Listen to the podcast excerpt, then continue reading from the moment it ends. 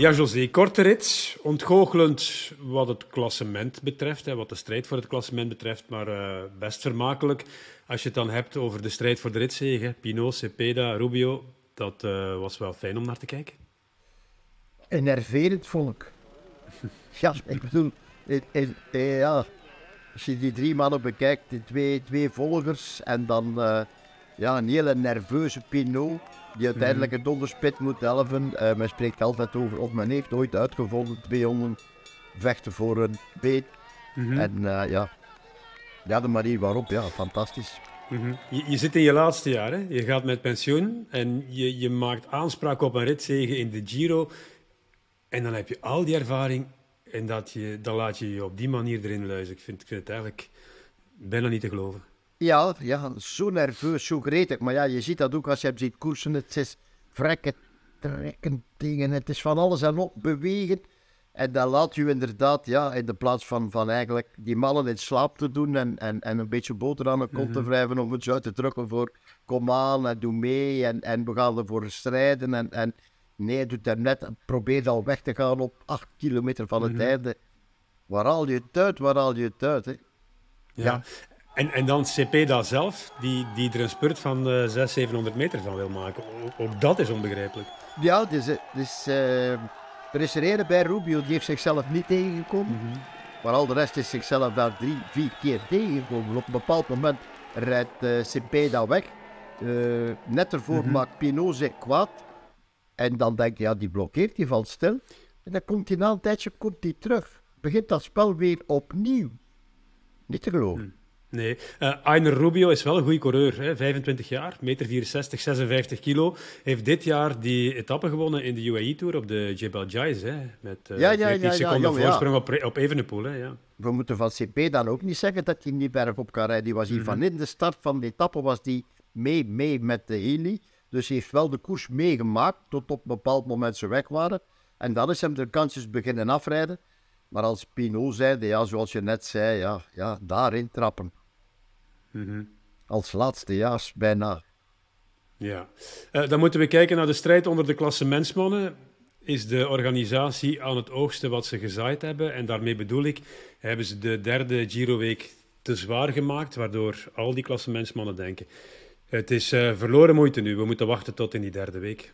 Ploeg niet opsoeperen, ploeg niet gebruiken, alhoewel ze bij vandaag een hele goede de plus gezien hebben, die toch heel veel mm werk gedaan hebben. En ik, uh, ik snap niet waarom die mannen van Ineos, die doen alsof ze aan de leiding staan. Mm -hmm. Twee seconden. Ik bedoel... Maar ze staan wel aan de leiding, hè? Ja.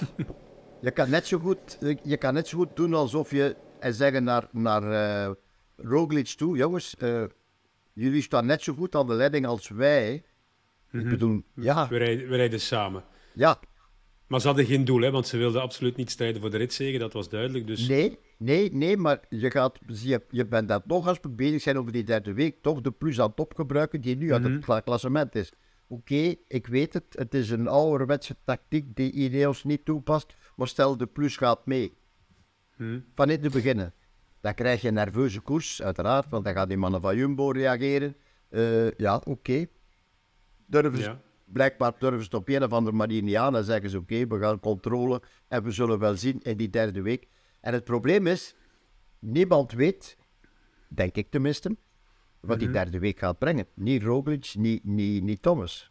Heb, hebben die dan zo goed zicht op elkaar? Vraag het me af. Ja, dat zou kunnen. Uh, wat je zegt over de plus meesturen, hebben we twee dagen geleden ook gezegd, hè, in die vlucht van 30 man.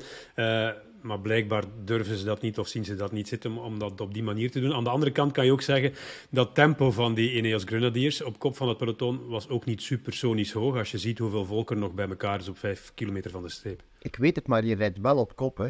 Mhm. Je verbruikt energie. Hè. Ik bedoel, de plus heeft vandaag... Oké, er zijn er White er zijn er een paar teruggekomen. Sivakov teruggekomen. Dat is allemaal mooi. Maar ja... Maar ik, ik, het is eigenlijk raar. Sommige kopmannen of sommige mannen in de trui, de leiderstrui, mm durven doen alsof ze, ja oké jongens, wij staan aan de leiding, maar jullie ook. En in dit geval zeker twee seconden. Dus ja, ik zou echt omkijken naar die gele man en zeggen, kom jongens, wel twee seconden. Mhm. Toen Caruso aanging, was er wel een knappe reactie van Tijmen Arendsman. Die is aan het groeien.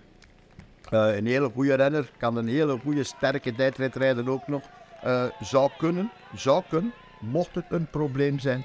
Uh, men zou die kunnen gebruiken om toch iets Mhm. te doen, als dat er al ooit van komt. Eh, ik denk dat ze, ze hebben voorlopig nog anderhalve kopman binnen Ineos. En bij Jumbo hebben ze één kopman. Mhm. Eh, andere vaststelling, die eh, invallersploeg tussen aanhalingstekens van Jumbo-Visma, want dat is het voor een stuk door die coronagevallen en die, en die ziektes. Eh, die invallersploeg doet het ook wel goed. Ze blijven Roglic prima omringen met veel volk. Hebben nog wel geen trap gegeven. Nee. Hebben nog geen trap gegeven. En naar het einde toe werd er een beetje tempo, allee, extra tempo gemaakt door Arendsman. En behalve Gus was de rest allemaal weg. Dus ik bedoel, meevolgen of rijden is nog iets anders. Maar ze zijn daar en dan moet uh, Roglic heel veel vertrouwen geven. Ja, taxeren kunnen we pas als we echt een bergrit hebben die op het scherp van de sneeuw wordt gereden van, uh, van vroeg. En dan, uh, dan gaan we zien wie er overblijft op het eind van het verhaal.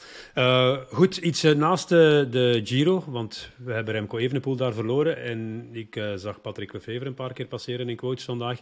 Hij zou geen grote ronde meer rijden dit jaar. Geen Tour, geen Vuelta. Ja, daar zijn de meningen over verdeeld. Hè. Ik heb in Wielerclub Wattage zo wat een en het ander gelezen. Bonen, Dumoulin, ja, ja, ja, Bakelands. iedereen heeft daar een mening over. Ik heb daar een mening over. wij ook, hè? wij hadden hem in de Tour ja, gestoken. Wij hadden hem in de Tour gestoken. Misschien is er na, na een gesprek met Rem, Remco zelf toch iets duidelijker geworden van ja, liever niet of liever wel. Uh, men spreekt over druk die wij vanuit België zouden op hem leggen.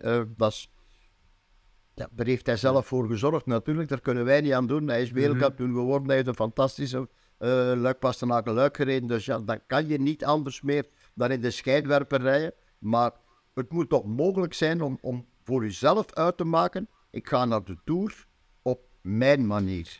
Ja, en dat ook duidelijk te communiceren vanuit de Ja. ploeg en vanuit uh, de renner zelf. Maar enfin, uh, hij moet zelf beslissen natuurlijk. Hij heeft nog een Absoluut. hele lange carrière voor de boeg. Uh, we gaan dadelijk nog kort vooruitblikken naar morgen. Daar valt niet zo heel veel over te zeggen over die rit van morgen, maar gaan we wel doen. Maar eerst eens naar onze capo in Italië, Renato. Weer een bewogen dagje in de Ronde van Italië. Dat is het minste wat je kan zeggen. Het begon in de regen, de nattigheid eerder vanmorgen in uh, Aosta.